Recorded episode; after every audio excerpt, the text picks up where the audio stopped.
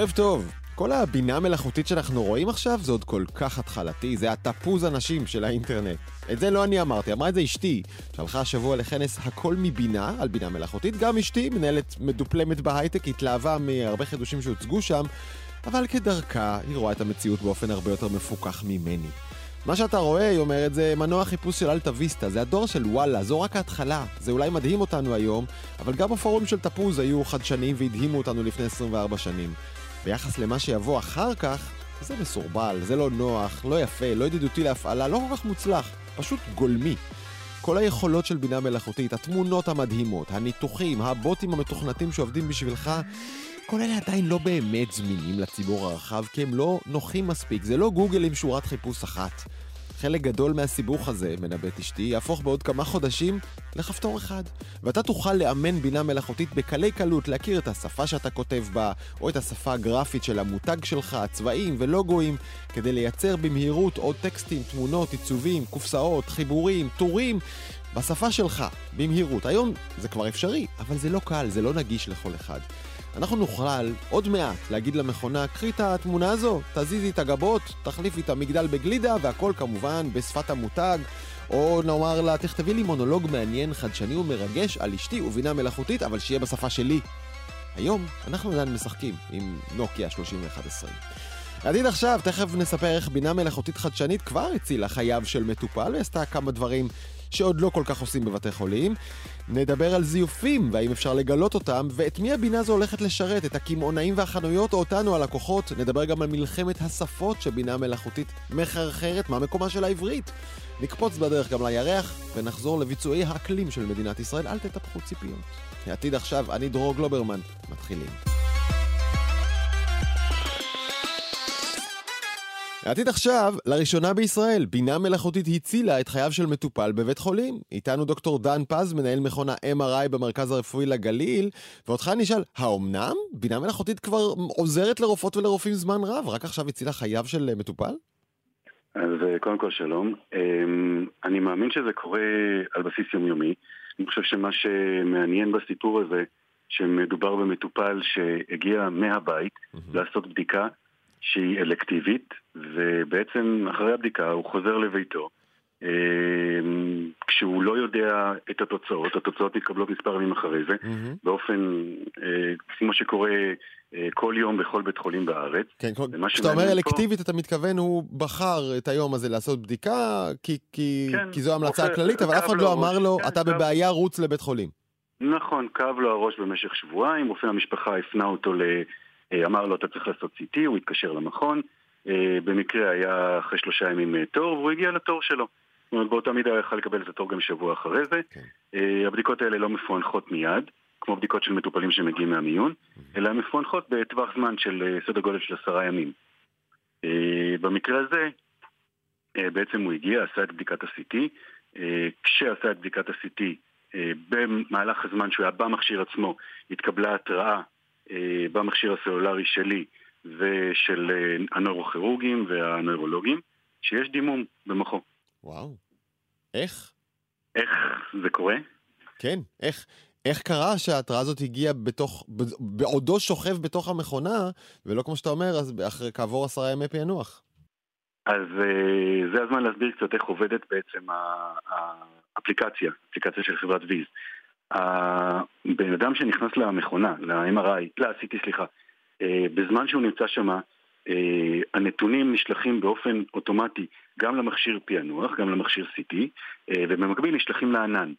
בענן עצמו אה, בעצם ה-raw אה, data עובר תהליכים כלשהם, אה, שבתהליכים האלה נסרקות כל מיני פתולוגיות שידועות לאפליקציה. בין הפתולוגיות הן דימום מוחי או חסימה בכלי דם במוח. ברגע שהאפליקציה מזהה שיש אחת מהפתולוגיות האלה, mm-hmm. נשלחת התראה לכל מי שמקושר אה, על אותה רשת שרלוונטית לפתולוגיה הזו. אה, אם נדבר על פתולוגיה של סטרוק, אה, של large vessel occlusion, אז מי שמקושר שם זה מן הסתם נוירולוגים. אם מדובר על דימום מוחי, מי שמקושר באותה רשת זה נוירוכירורגים. כלומר, יש טכנולוגיה אנחנו... שרואה. בזמן אמת את הסריקה, מפענחת אותה בזמן אמת, נכון? זה עניין של שניות, אני מניח, מפענחת נכון. בזמן אמת, ומתריעה לרופאים הרלוונטיים. אה, לאותו עניין ש, שכרגע שוכב לכם מישהו שצריך טיפול אה, חירום? זה ממש טיפול חירום? בדיוק. זה טיפול חירום, כן. אה, היה לו דימום מוחי שיצר אפקט מסה אה, על המוח, אה, ובאמת כמה שעות אחרי זה הוא, הוא נותח. ואני חייב להגיד שהוא מרגיש טוב, מצוין, הביא אתמול אפילו סלסילת שוקולדים למכון. בקטנה ככה. אה, כן. אוקיי, בוא נדבר עכשיו רגע על החברה הזאת, שבמקביל לתפקידך בבית החולים אה, לגליל, אתה גם יועץ שלה, נכון? AI. נכון, נכון. אה, מה עושה? אז החברה, חברה שהוקמה בשנת 2016, שנת 2018 היה אישור FDA למוצר ראשון. החברה הוקמה על ידי דוד גולן, אה, שהוא משלנו, ישראלי, אה, וקריס מנסי, שהוא נורוכירורג אה, אנגלי. החברה בעצם, מה שהיא עושה, היא מזהה מצבים חריפים, מצבים אקוטיים, מצבים שדורשים התערבות דחופה בבדיקות ההדמיה, והייחודיות שלה על אפליקציות אחרות, שהיא גם יוצרת את אותה רשת בין המטפלים השונים כדי להגיע למטופל ולתת לו את הטיפול המיטבי במהירות האפשרית. אתה יודע, מה שקוראים בצה"ל לסגור מעגל, נכון? בין הזיהוי בדיוק, לבין הטיפול. בדיוק. זה בדיוק, בדיוק זה. עכשיו, כן. אה, אה, אה, היכולת לזהות בשניות אירוע חריג בסריקות CT ו-MRI ורנטגן, זו בעצם יכולת שבינה מלאכותית כבר עושה היטב זה שנים, נכון? יש שטוענים שהיא עקפה את הרדיולוגים, את הרופאים, ביכולת שלה לפענח סריקות כאלה ולזהות יש גידול, אין גידול, יש דימום, אין דימום. נכון, אז, אז היא עושה את זה כבר לא מעט זמן. אמ, אני עדיין לא חושב שאנחנו שם בלהחליף את הרדיולוג, ולא בגלל שאני רדיולוג. אה, אני חושב שעדיין יש את, ה, את אותה בינה שאינה מלאכותית שיש בראש של הרדיולוג, שא' נובעת מניסיון וב' נובעת מפרמטרים שהם לא גלויים לתוכנה עצמה, לאפליקציה עצמה, אה, שהם פרמטרים אה, אחרים שמשפיעים על ההחלטה או ההבחנה של איזה גידול זה. אבל ברמה של לזהות האם יש גידול, האם יש דימום, האם יש חסימה בכלי דם, אני חושב שאנחנו לגמרי שם. כן, רק, ש, רק שעד כה התוכנות האלה ישבו דומם וחיכו שמישהו ישאל אותן, אז תגידי, מה גילית בסריקה? וכאן יש לנו תוכנה אקטיבית שכבר ממש מזניקה, אה, מזניקה את מעגלי הטיפול. אה, מה, מה עוד מסוגלת הטכנולוגיה הזאת לעשות? אני מבין שיש לה עוד כמה הקשרים רלוונטיים למטופלים. אז אה, קודם כל יש לנו, לחברה הזאת יש עוד מוצרים, מדברים על מפרצות מוחיות, אם אנחנו לא נדבר על המוח אלא נדבר על תסחיף ריאתי, אה, מפרצת באבי העורקים, שאנחנו יודעים שזו מחלה שעלולה להרוג, גם אותם יש זיהוי אוטומטי ובאותו מעגל יוצרת את הסגירת מעגל שדיברנו עליה מקודם. עוד דברים שהם דווקא לא קשורים לבינה מלאכותית, יש מה שנקרא Viz Pager. Viz Pager אה, מאפשר לנהג האמבולנס בדרך לבית חולים ללחוץ על כפתור ובעצם להתריע לכל הצוות שנמצא במהלך השרשרת שהנה אני מביא מטופל קשה אה, עם נגיד שבץ מוחי, תכינו לי את הכל מה שנקרא שטיח אדום החל מהקבלה במיון עצמו ועד למכשיר CT, זאת אומרת הטכנאי CT שנמצא במכשיר מקבל את אותו פייג' ואומרים לו, תקשיב, החולה X אה, נמצא בדרך אליך, תשאיר את ה-CT פתוח, כדי שלא נפספס אה, אף שנייה. וואו. עכשיו, היום המערכת הזאת עובדת, אני מבין, אה, אה, במרכז שבו אתה גם אה, מכהן כמנהל מכון ה-MRI, במרכז רפואי לגליל, ובפוריה, נכון? נכון. תגיד, נכון. זה, זה לא משהו שכבר אפשר לצפות אה, כמטופל? אתה יודע, טוב, ככה תמיד מטופלים, נכון? אתה אומר לי שיש טכנולוגיה שעושה משהו חדש, אני אומר, רגע, למה זה לא בכל מקום? למה נכון. זה לא. בכל בתי החולים בישראל? מה זאת אומרת? יש מכשיר, תשתמשו. אם נסתכל Worldwide אז uh, היא נמצאת ב-1500 בתי חולים בארצות הברית, דרך אגב. זאת אומרת, זה לא, לא משהו בתולי שהתחיל uh, עכשיו. Uh, באירופה גם יש uh, חדירה איטית.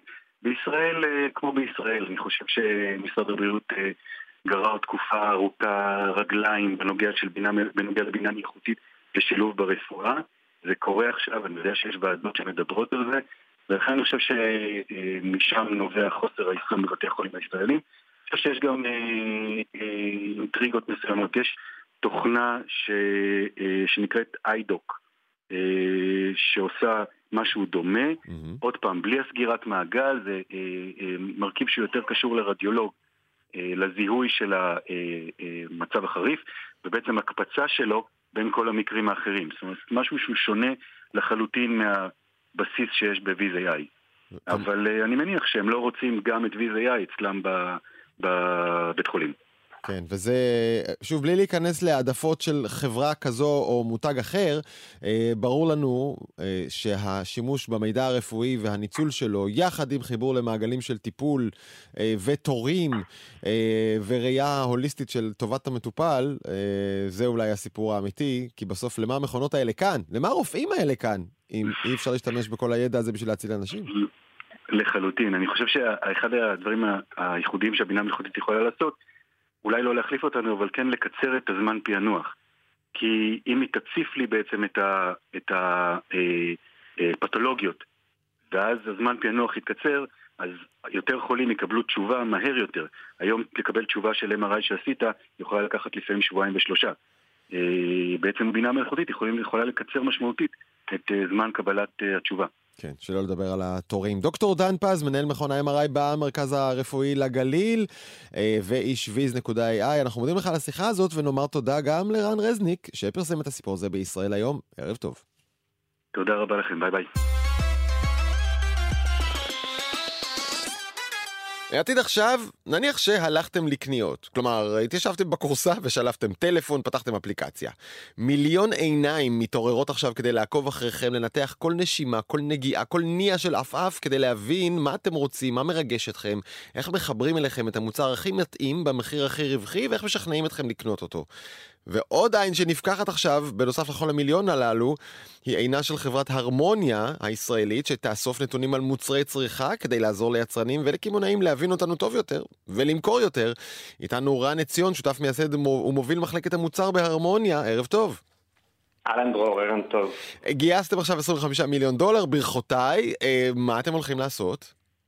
אה, אנחנו בגדול הולכים להמשיך לעשות את מה שאנחנו עושים היום. לעבוד עם אה, יצרנים ועם אה, קמעונאים כדי לעזור להם להבין יותר טוב מגמות צרכניות ובעצם אה, מה אנחנו כצרכנים באמת רוצים לצרוך. אז תן לי, אם אתה יכול, דוג... זהו, דוגמה ממש, ממש ברמת, אתה יודע, רצפת המכירה, ברמת אני מול מדף, אני מול מוצר, איך נראית מגמה, כי אני לא חושב שאני מגמה, אני כולה אדם אחד, אז איך נראית מגמה ואיך זה עוזר לי? מעולה. אז בגדול, איך אה, כשאנחנו מסתכלים על אה, אה, קמעונאיות ועל על יצרנים, הם יודעים מה אנחנו רוצים, כי הם, הם מנתחים את מה שאנחנו קונים. וכשיש בעצם איזושהי אגריגציה מאוד, גדול, מאוד גדולה של מוצרים שאנחנו קונים, הם יודעים להבין יותר טוב מה מאפיין את המוצרים האלה, ולפי זה איזה טעמים לייצר, איזה גדלים לייצר. כלומר, כשאתה אומר אגרגציה, כשאתה אומר אגרגציה, זה הכוונה פשוט לאיסוף איגום, איחוד, לא יודע איך נקרא לזה, אבל לקחת את כל הנתונים ביחד, נכון? לראות מכל סוגי הטעמים של היוגורט, מה נקנה יותר, מה נקנה פחות, איפה, בדיוק. על ידי איזה אנשים, אז... ומזה להבין. נכון, אז מה שקורה מאחורי הקלעים, אה, ממש לוקחים את המוצרים שעוברים בקופות, מאחדים את כל הדברים האלה, אה, סופר, אה, מסתכלים על כל מוצר ועל כמה פעמים הוא נקנה ובכמה כסף הוא נקנה, ואת הדבר הזה מצליבים עם המאפיינים שיש על המוצרים. אה, והמאפיינים האלה זה בעצם מה שמשפיע על היכולת של יצרנים וקמעונאים להבין מה אנחנו רוצים. ככל שהמאפיינים האלה יותר מדויקים, ככל שיש עושר יותר גדול שלהם והם יותר ספציפיים, אז ככה אפשר לחדד בעצם את המוצרים שהשחקנים האלה מנגישים לנו. וזה בדיוק מה שהרמוניה עושה. Mm-hmm. העולם הזה היום הוא עולם די פרימיטיבי, ואנחנו משכללים אותו ומביאים אותו לרמה קצת יותר מדויקת. באמת פרימיטיבי? כלומר, אני הייתי בטוח שכבר מזמן, אתה יודע, הכל מנותח, גודל הקופסה, הצבע של האריזה, המחיר לגרם, המחיר בכלל, כמות הגרמים שאני רוצה בתוך האריזת יוגורט שלי, האם עדיף שהיא תהיה שחורה או לבנה או כתומה, האם להפגין את האפרסק או את ה-20% חלבון, או את הלא יודע מה, או את כמה קלוריות, או את כמה סוכר יש ואין, כל הדברים האלה לא, לא כבר קורים מזמן? אה, אז זה באמת די מפתיע. אה, עולם בכלל, הנתונים על המוצרים, אה, הוא התחיל מסיבות של אופטימיזציה לשרשרות אספקה. לקמעונאים, ליצרנים, היה מאוד חשוב לסדר מוצרים במדף, במחסנים, ואז הם היו צריכים להבין מה המשקל של מוצרים ומה הגודל שלהם. ועם השנים העולם הזה טיפה השתכלל, אבל כשאנחנו מסתכלים עליו היום הוא לא מאוד מאוד השתנה. ולכן יש המון דברים שלנו קריטיים כצרכנים, וקמעונאים ויצרנים לא ממש יודעים באיזה דיאטה אנחנו למשל, עם איזה אירועים אנחנו מקשרים את המוצרים האלה, מה, מה שאנחנו קוראים הערך המוסף של מוצר. והדברים האלה מאוד מאוד דינמיים, כי אנחנו כצרכנים אנחנו אסוציאטיביים. קורים לנו דברים בחיים ובאופן לא מודע לחלוטין, אנחנו מקשרים אותם למוצרים, והדברים האלה מתפוגגים, ואנחנו שוכחים מהם. וואו, מעניין. שמע, אני, אני אתן דוגמה, תגיד כן. לי אם הבנתי. אני גיליתי שבוע שעבר שיש אה, קפסולות קפה, אבל בטעם שוקו. ואמרתי, יאללה, נראה לי כמו פינוק מגניב לילדות שלי לשבת, אבל לא לסתם יום חול. יום יום חול רגיל, ישתו שוקו רגיל, אבל לשבת נפנק בשוקו מיוחד שיוצא ממכונה, זה מרגש אותן. אז קניתי את זה, אבל לא קניתי את זה ביום שישי, קניתי את זה ביום שלישי וחיכיתי. האם, ה... האם היצרן יכול לזהות שיש לי pattern עכשיו, שיש לי תבנית חדשה, לפנק את הילדות בשבת בשוקו מיוחד ו- נכון, ולדאוג שלא פה- מזה? נכון מאוד, עשית פה שתי כישורים, לקחת את הקונספט של אה, שבת, את הקונספט של ילדים, וקישרת עם מוצר, נכון. וזה בעצם דברים שאין סיכוי להגיע לגרנולריות, לגרנולריות שלהם בצורה שאיסוף של נתונים נעשה היום, כי הוא ידני. אה, היום הכל ידני והכל בדיעבד. אני לא מאמין לך שזה ידני, מה זאת אומרת, אנחנו 2023 כבר, עוד לפני הרמוניה, כבר יש הרבה מחשבים בעולם. יש, אה, יש היום, אה, בעיקר בארצות הברית, צוותים שלמים שיבואו ויקחו איזו שאלה של אנליסט ויעברו על קטגוריה שלמה של, מוש... של מוצרים, ואנחנו מדברים על מוצרים ברמת המוצר, אה, המוצר הבודד, מה שאנחנו קוראים מקת או ברקוד, אה, ויגידו על כל מוצר בדיעבד מה, מה, מה המאפיינים שלו. מהמם. הדוגמה הכי טובה שאנחנו יכולים לתת, בואו ניקח את הקורונה למשל, הייתה תזה חזקה מאוד בעולם המזון, שאנחנו כצרכנים עכשיו הרבה יותר רגישים למערכת החיסונית שלנו. ואנחנו נוטה לצרוך מוצרים שאיכשהו תורמים למערכת החיסונית, מה שנקרא באנגלית immunity boosting. מהמם. הבעיה האמיתית היא שאף אחד לא חשב על זה אי פעם. כשאנחנו מסתכלים על אה, טבלת המוצרים הפלאית שיצרנים וקמעונאים משתמשים איתה, אין איזשהו שדה שנקרא האם המוצר תורם למערכת החיצונית או לא. זה גם לא כזה פשוט אה, להגיד את זה. אה, ושמענו סיפורים על באמת חדרי מבצעים של שעות על גבי שעות, של אה, 100 או 200 אנליסטים שיושבים על קטגוריות, בואו ניקח משקאות למשל, 70 אלף מק"טים בודדים שנמכרים בארצות הברית בשנה, וצריכים להגיד עכשיו על כל אחד האם הוא immunity boosting או לא. עכשיו הבעיה המאוד גדולה, זה לוקח המון זמן, לקח להם שלושה חודשים, זאת אומרת שרק לתוך הקורונה הם באמת ידעו להגיד משהו על זה, ולמחרת מגיעה עוד שאלה. אז נגיד היום מוצרים שקשורים לח- ל- לחיסוניות, אולי הם לא כל כך מעניינים, אהה. אבל כל העולם של אה, מה שנקרא sustainability, קיימות, אקלים. קיימות בדיוק. ואין סיכוי ליצרנים ולקמעונאים להבין באמת מה המוצרים שאנחנו כצרכנים תופסים כ-sustainable. מדהים, בעיניי מדהים שבאמת ש-2023 ועדיין נותרו כל כך הרבה חורים חשוכים של ידע בקשר בין, ב- בה- בהבנה של קמעונאים את אותנו הצרכנים. המוצר שלכם הולך לעבוד רק באתרי אינטרנט ואתרי קניות או גם ממש על הרצפה של הסופר? אז אה, מה שאנחנו בעצם עושים, אנחנו אה, לא כל כך מבדילים, אנחנו אוספים מידע על מוצרים מכל מקום שהוא נגיש. אה, אם אנחנו מסתכלים על נגיד עמוד של מוצר באיזשהו אתר קמעונאי, זה יכול להיות אמזון, זה יכול להיות וולמארט, וזה יכול להיות רשימה מאוד מאוד מאוד ארוכה, מהמם. יש שם המון מידע. יש שם מידע טקסטואלי, יש שם מידע ויזואלי, יש שם אה, אה, ביקורות. תן לי דוגמה, אה, אם אתה. יכול, אם אתה יכול לנסח לי בעברית פשוטה דוגמה לתובנה שרק הרמוניה שלך מסוגלת לייצר ולא הייתה קיימת בעולם עד לפני רגע. אוקיי, אז אה, אנחנו אה, מדברים למשל על אה, שחקן קמעונאי מאוד גדול שהוציא אה, פחיות אה, בגדלים מאוד קטנים. אה, כמו מטוס. לא היה לו בעצם, לא היה לו בעצם מוצר, איך, לא היה לו מושג איך משתמשים בפחיות האלה, וכשאנחנו בעצם עשינו את האיסוף שלנו ואת הניתוח הטקסטואלי של כל, המקו, של כל המקומות שהמוצרים האלה נמכרים בהם, ראינו שהקונספט של ילדים עולה מאוד מאוד חזק עם המוצרים האלה. אה, וזה היה מאוד מפתיע, ומה שמסתבר בדיעבד זה שצרכנים אהבו את הגדלים האלה כי הם, אה, נתנו אותם לילדים ולא רצו שילדים יצרכו המון סוכר והיה להם אחלה פתרון. ובגודל קטן זה היה נראה להם הגיוני שילדים ישתו את המשקאות האלה, אמ, וזה משהו שאין סיכוי להבין אם אתה לא אוסף את המידע בדיעבד, מנתח אותו אוטומטית, אתה יודע להבנות אותו ככה שהמאפיינים שקשורים למוצרים צפים בצורה שבאמת אפשר לשאול עליהם שאלות. כן, אני מודה שכשאמרת פחיות קטנות, אז, אז ילדים כמובן קפץ גם לי לראש, מה שלא מיד חשבתי עליו זה העובדה שהמשקה ממותק, ואז אני רוצה לתת קצת, קצת פינוק ולא הרבה, אה, קצת דומה לשוקו בשבת, לא? אה, אז, אז אה, זה אולי תובנה ש, שקופצת כאן, ואז אני שואל אותך, אתם עובדים לא בשביל הצד שלי, אתם עובדים בשביל הצד של היצרנים והקמעונאים. בסוף בסוף השאלה שלהם זה איך לעשות ממני יותר כסף. מתי תהיה את הבינה מלאכותית, רגע שעוזרת לי בתור הצרכן להיות גם כן חכם כזה, ולדעת איפה כדאי לקנות את המוצר, אה, ואיזה מוצר כדאי לקנות מתי, אה, כשזה משחק לידיי ומקטין לי הוצאות, ולא עובד בשביל הגדלת ההכנסות של החברה שמולי. בגדול אתה צודק. אמ, אני חושב שיש איזושהי אה, תאימות אינטרסים, והדברים האלה הם, הם לא כל כך שונים כמו שאנחנו חושבים. אנחנו כצרכנים, בסופו של דבר, אה, קונים את מה שיש לנו על המדף. ברשתות שקרובות לבתים שלנו, או במכולות, או חנויות נוחות, ומה שיש על המדף זה עולם שלם שנקבע בדיאלוג בין קמעונאים לבין יצרנים, וכל הזמן מנסה להשתכלל ולהבין יותר טוב כמה שטח מוצרים צריכים לקבל, מה היצע המוצרים הכללי, מה המוצר הבא שמגיע לשוק.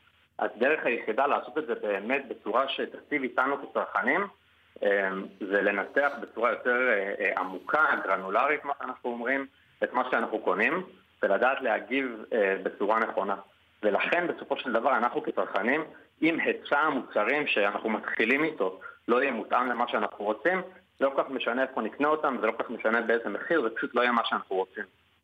אה, אני מבין מה אתה אומר, אני עדיין חושב שיש פה מקום לבינה מלאכותית שרואה את הדברים מהכיוון של הארנק שלי. אני אומר, תפתח עוד מחלקה, רן, שבונה אפליקציה בשבילנו, הצרכנים, ושהם, אתה יודע, יריבו אחת מול השנייה, איפה המחיר הכי טוב למוצר הכי טוב.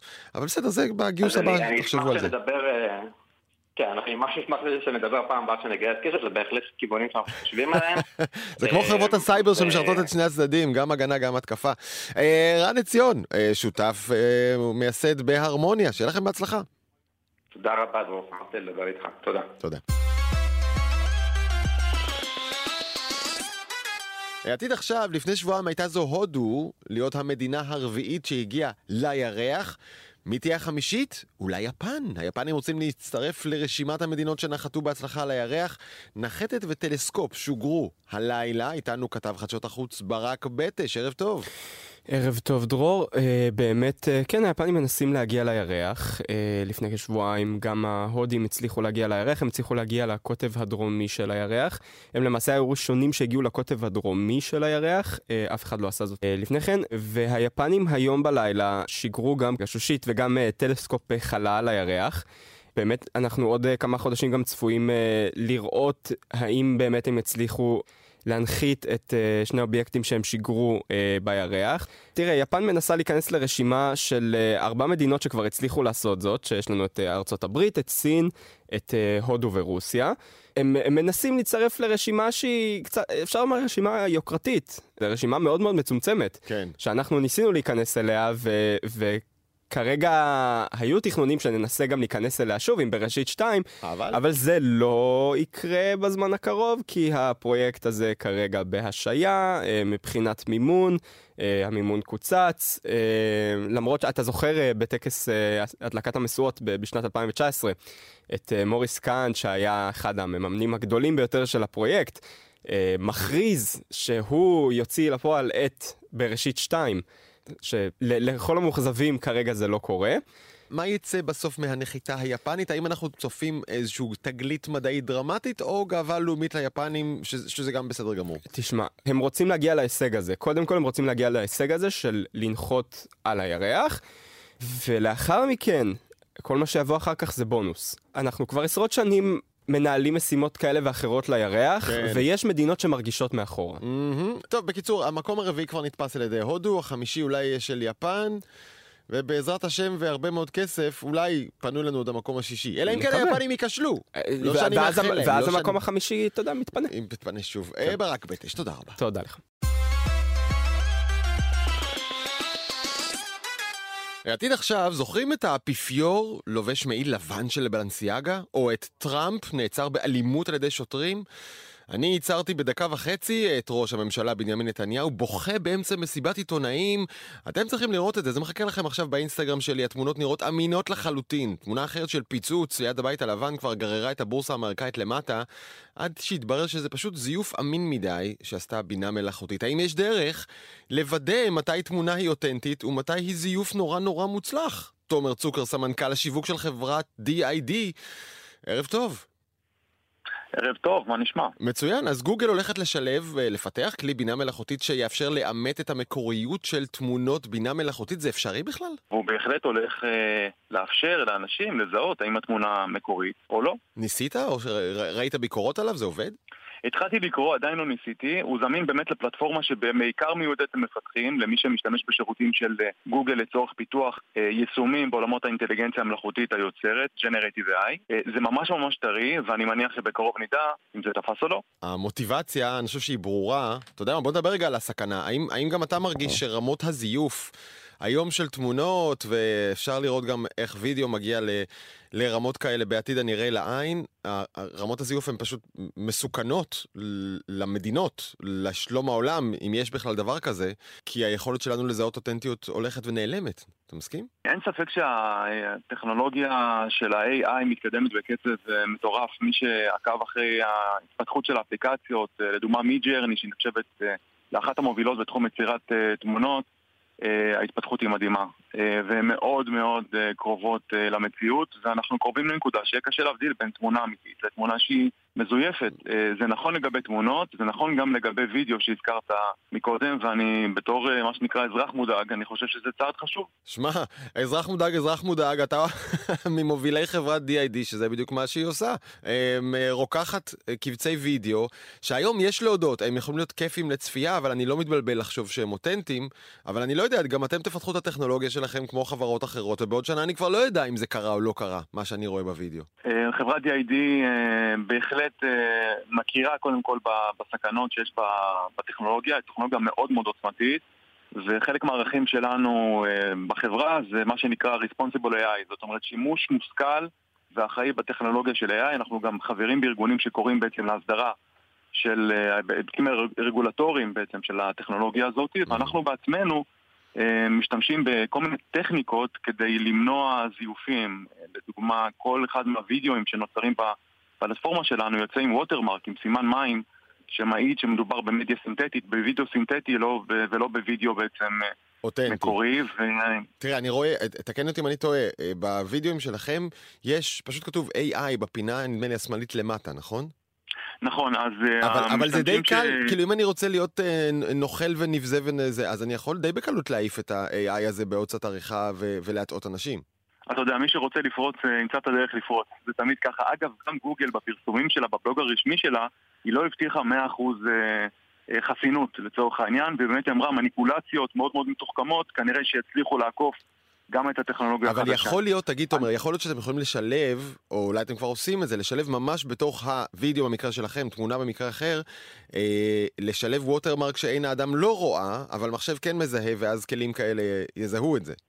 זה בהחלט כיוון מעניין, וזה בדיוק מה שגוגל עשתה. היא אה, הורידה את זה לרמת הפיקסלים. זאת אומרת, אנחנו לא רואים בעין אה, אנושית שמדובר בסרטון אה, שנוצר על ידי Generative AI, אבל ה-AI עצמו יודע לזהות אותם. אתה יודע, זה, זה בעצם מעלה את השאלה המאוד בסיסית. אם אנחנו רוצים שכל מי שצופה בסרטון הזה ידע שהוא חיקוי, שהוא סינתטי, אז צריך לשים סימן שאין האדם רואה. אבל אם אין אדם רואה, אז אדם אחר יכול גם להעיף את זה. ואם אתה שם, כמו שאמרת, ווטרמרק, סימון סודי, חשאי, מוסתר, שרק בינה מלאכותית רואה, אז כל אדם שצופה בזה מרגיש שזה אותנטי ובעצם עבדת עליו. אז בעצם הטכנולוגיה הזאת אה, מציעים אה, בעצם סוג של אה, סקאלה של רמת האותנטיות של התמונה, בעצם בשלוש רמות, ובעצם היא תיתן אה, חיווי האם מדובר במדיה סינתטית או מדיה מקורית ברמת אה, מובהקות מסוימת. אבל זה עדיין, כרגע זה עדיין יהיה כן. וולונטרי. אם אתה רוצה שידעו, אתה תסמן. אם אתה רוצה להטעות מישהו, לא תסמן, ואז שיתווכחו. בדיוק, ולכן זה מאמץ שהוא צריך להיות מאמץ משולב, מאמץ אחראי ומשולב. גם של היצרנים של הכלים הטכנולוגיים, כמו גוגל, כמו DID וכמו חברות אחרות, גם של המשתמשים עצמם, גם המשתמשים הפרטיים וגם הארגונים, אני מקווה שאני לא נאיבי, בטח אבל אני חושב שרוב המשתמשים... בטח שאתה נאיבי.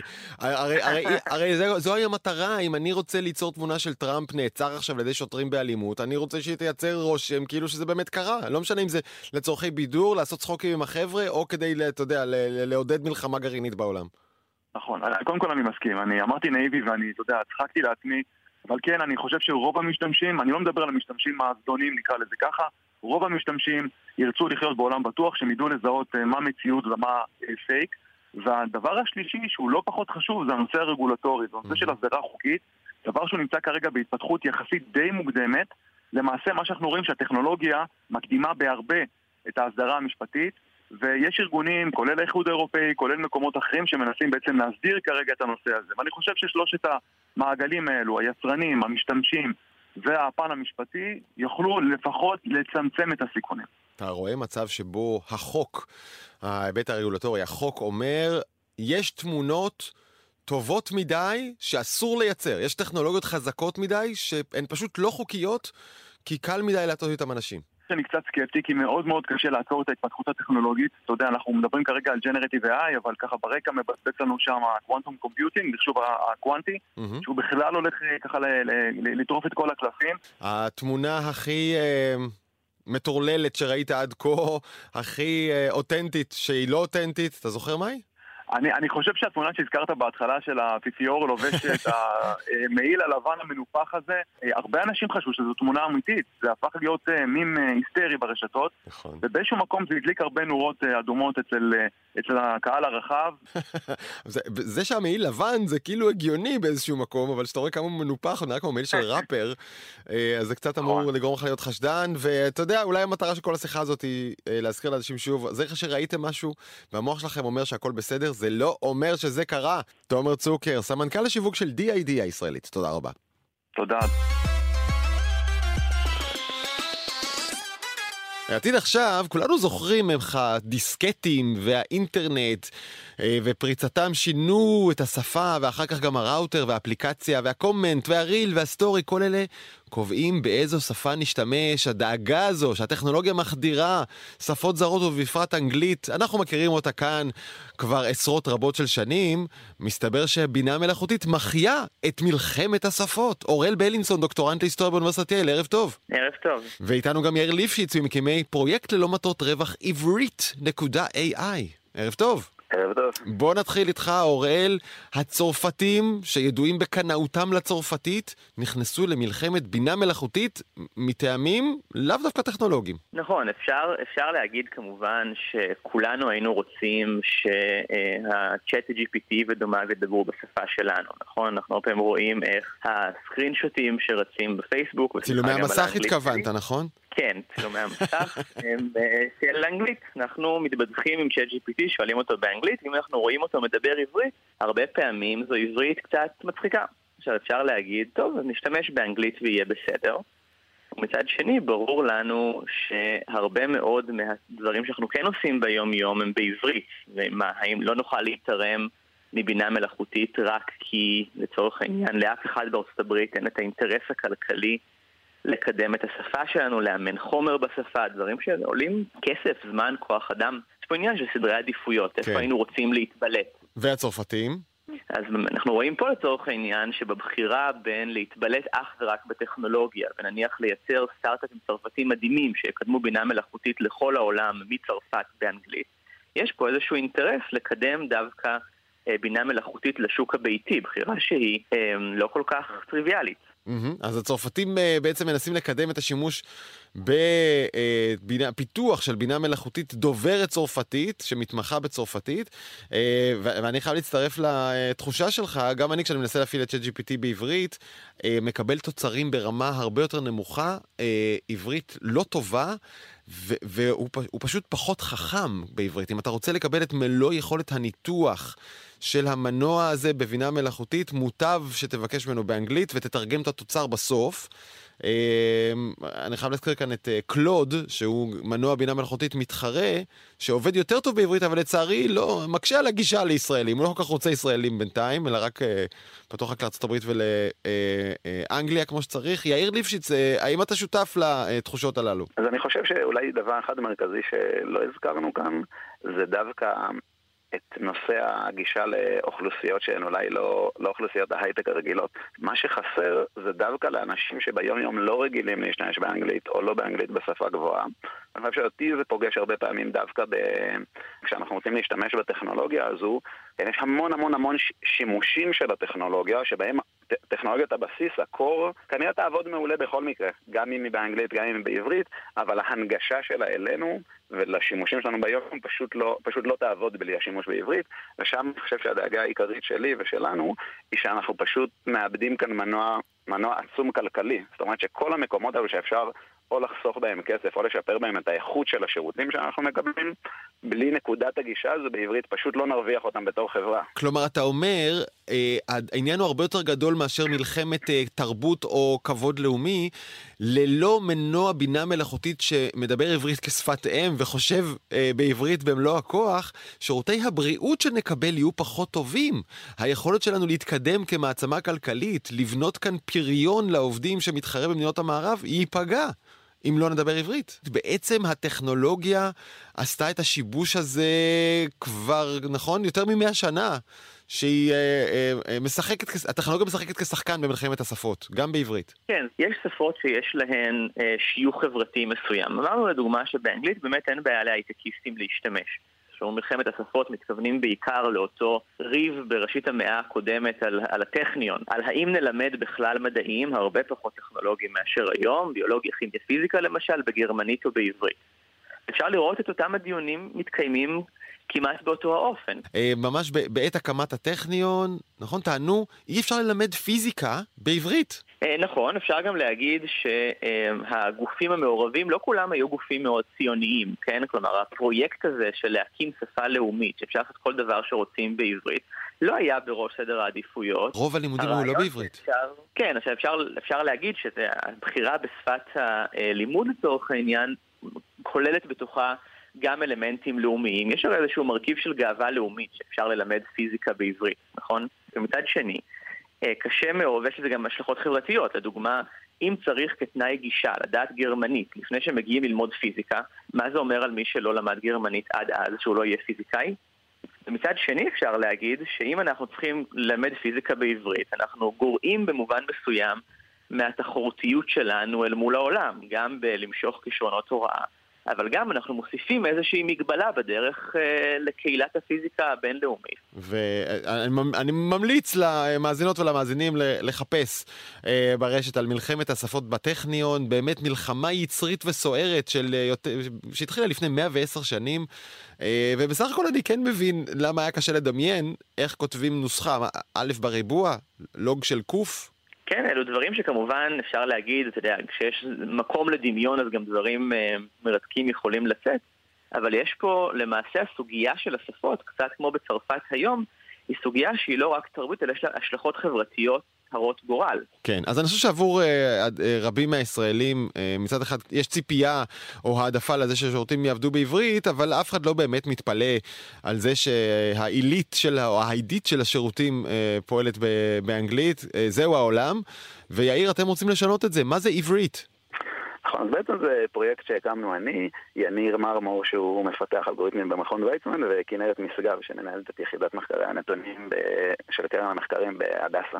עכשיו, אנחנו, כאילו, מה שזיהינו זה שבאמת הבינה המלאכותית בהרבה מקרים לא עובדת טוב בעברית, אבל שהנקודה הכי עדינה מבחינתנו היא נושא התמלול. יש בעיה שונה. כדי לבנות כלי בינה, כלים שיודעים לבצע תמלול נכון מהדיבור שלנו לטקסט, צריך, אחת הדרישות המרכזיות היא מאגר מידע גדול ומתומלל, כלומר שעות על גבי שעות מתומללות.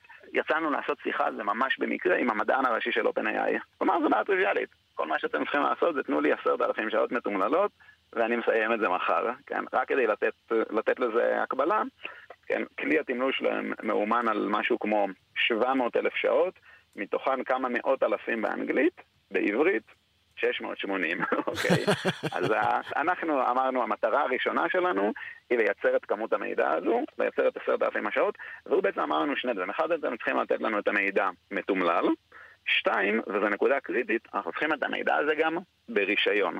ומה זה אומר? כלומר, מי שעוקב אחרי הפיתוחים היום שיש ב-AI, רואה שאחת המלחמות הנוספות שמתחילות זה מלחמה על התוכן. כל מיני גופי תוכן שאומרים, רגע, רגע, רגע, בזמן שבניתם את ChatGPT, קלוד, את אחד האחרים האלו, הורדתם מידע מהאתר שלנו. כן? עכשיו, כשאתה מסתכל על שפה כמו אנגלית, אתה אומר, אוקיי, אולי אני מוכן לקחת את הסיכון העסקי הזה, אבל בשביל, בשביל עכשיו לאמן משהו בעברית, לא בטוח שמישהו יש לו את הרצון להסתכן בזה, או בכלל את הרצון ללכת ולייצר את המידע הזה. מה שאנחנו אמרנו היה, אנחנו הולכים ליצור רישיון ייחודי, שמה שהוא אומר זה בעצם שני דברים. הוא מאפשר ליוצרי תוכן לתת לנו את המידע שלהם, כשכתוב שם ישירות שהמידע נועד למטרה אחת בלבד, אימון של מודלים של בינה מלאכותית, גם מסחריים. בעצם כל מי שמייצר תוכן, תוכן איכותי באודיו, אה, ויש לו תמלול, מעניין אותך, אה, מעניין אותך לתת אותו לאימון לידי מי שמייצר את המנועים הללו. בקשר לגופים כמו OpenAI, חשוב להגיד א', הם מוכנים לקבל, אבל לנו אין רצון ש-OpenAI יהיו כאן הגוף היחיד שתומך בזה. לכן כל המידע שאנחנו מייצרים, אנחנו מנגישים בצורה חינמית לגמרי באינטרנט. כל חברה שתרצה לפתח מעל זה, יכולה להיכנס היום ולהוריד אותו. אוקיי, טוב, אז אולי, אה, אם תרצה, דבר איתי אחרי השידור, מה שנקרא, אולי אני אעשה בשבילך איזה טלפון או שניים. אוראל בלינסון, דוקטורט להיסטוריה מייל ויאיר ליפשיץ, ממקימי עברית.ai. תודה לכם, ערב טוב. יום טוב. היינו העתיד, פינת הסביבה. היינו העתיד, פינת הסביבה שלנו עם אביב לביא, מגיש יהיה בסדר בגלי צה"ל ופרשן לענייני סביבה של זמן ישראל. איפה היית שבוע שעבר? האמת שבוע שעבר חזרתי ממדריד. אוי, אירופה הקרירה זה נהדר בקיץ. שנחתנו, הקברניט אמר 40 מעלות, ואז הבנתי שמה שהיה כתוב בגוגל זה לא היה בלוף. שמע, זה די מדהים, אנחנו עוד בתודעה שלנו, אירופה זה עוד מקום, אתה יודע, המקום הזה ש, שירוק וקריר ומפלט מאוגוסט הישראלי, ואתה נוחת לתוך כבשן, ובכל סופר בעיר הנהדרת הזאת, בכניסה בסופר יש מתקן גדול שמוכרים שקיות ענקיות עם קוביות קרח. שמה אתה אמור לעשות איתם? לשים בחולצה? אז לא, לא לכולם יש מזגן, נתחיל מזה, כי האירופים לא כולם הפנימו שאנחנו במקום אחר מבחינת אה, אקלים, ואני ספציפית מוכרח, הייתי שם באירוע ספורט, ופשוט משלחות מכל העולם הגיעו, אה, קנו שקיות במאות קילוגרם והגיעו עם דליים לא עם רציני. קוביות קרח. העולם פשוט משתנה, זה לא דברים ש... כאילו אתה אומר, אם, אם, אם לחטוף 40 מעלות, אז ירושלים עדיפה בהרבה על, על מדריד, כי היא ערוכה לזה, כי יש מזגן בכל פינה שתיכנס אליה. מבחינות מסוימות, לא רק ירושלים, ישראל באופן כללי, אתה יודע, אנחנו כאילו אוכלים חום ולחות כבר uh, מני אז, אמנם גם אצלנו זה הולך ומתגבר, אבל uh, כן, אנחנו לפחות ערוכים לזה, אז ברמת הנוחות היומיומית, יש משהו בזה שעדיף להעביר את הקיץ בישראל מאשר במדינות מסוימות באירופה, חד משמעית. זה כל כך לא אינטואיטיבי. ומבאס. כן, ומבאס. טוב, צריך ללמד את הספרדים להגיד חמסין, עם הסמך שלהם, נכון? חמסין. אמ, טוב, אז המצב אה, אה, סטטיסטית גם נראה ככה? הקיץ הזה היה דרמטי?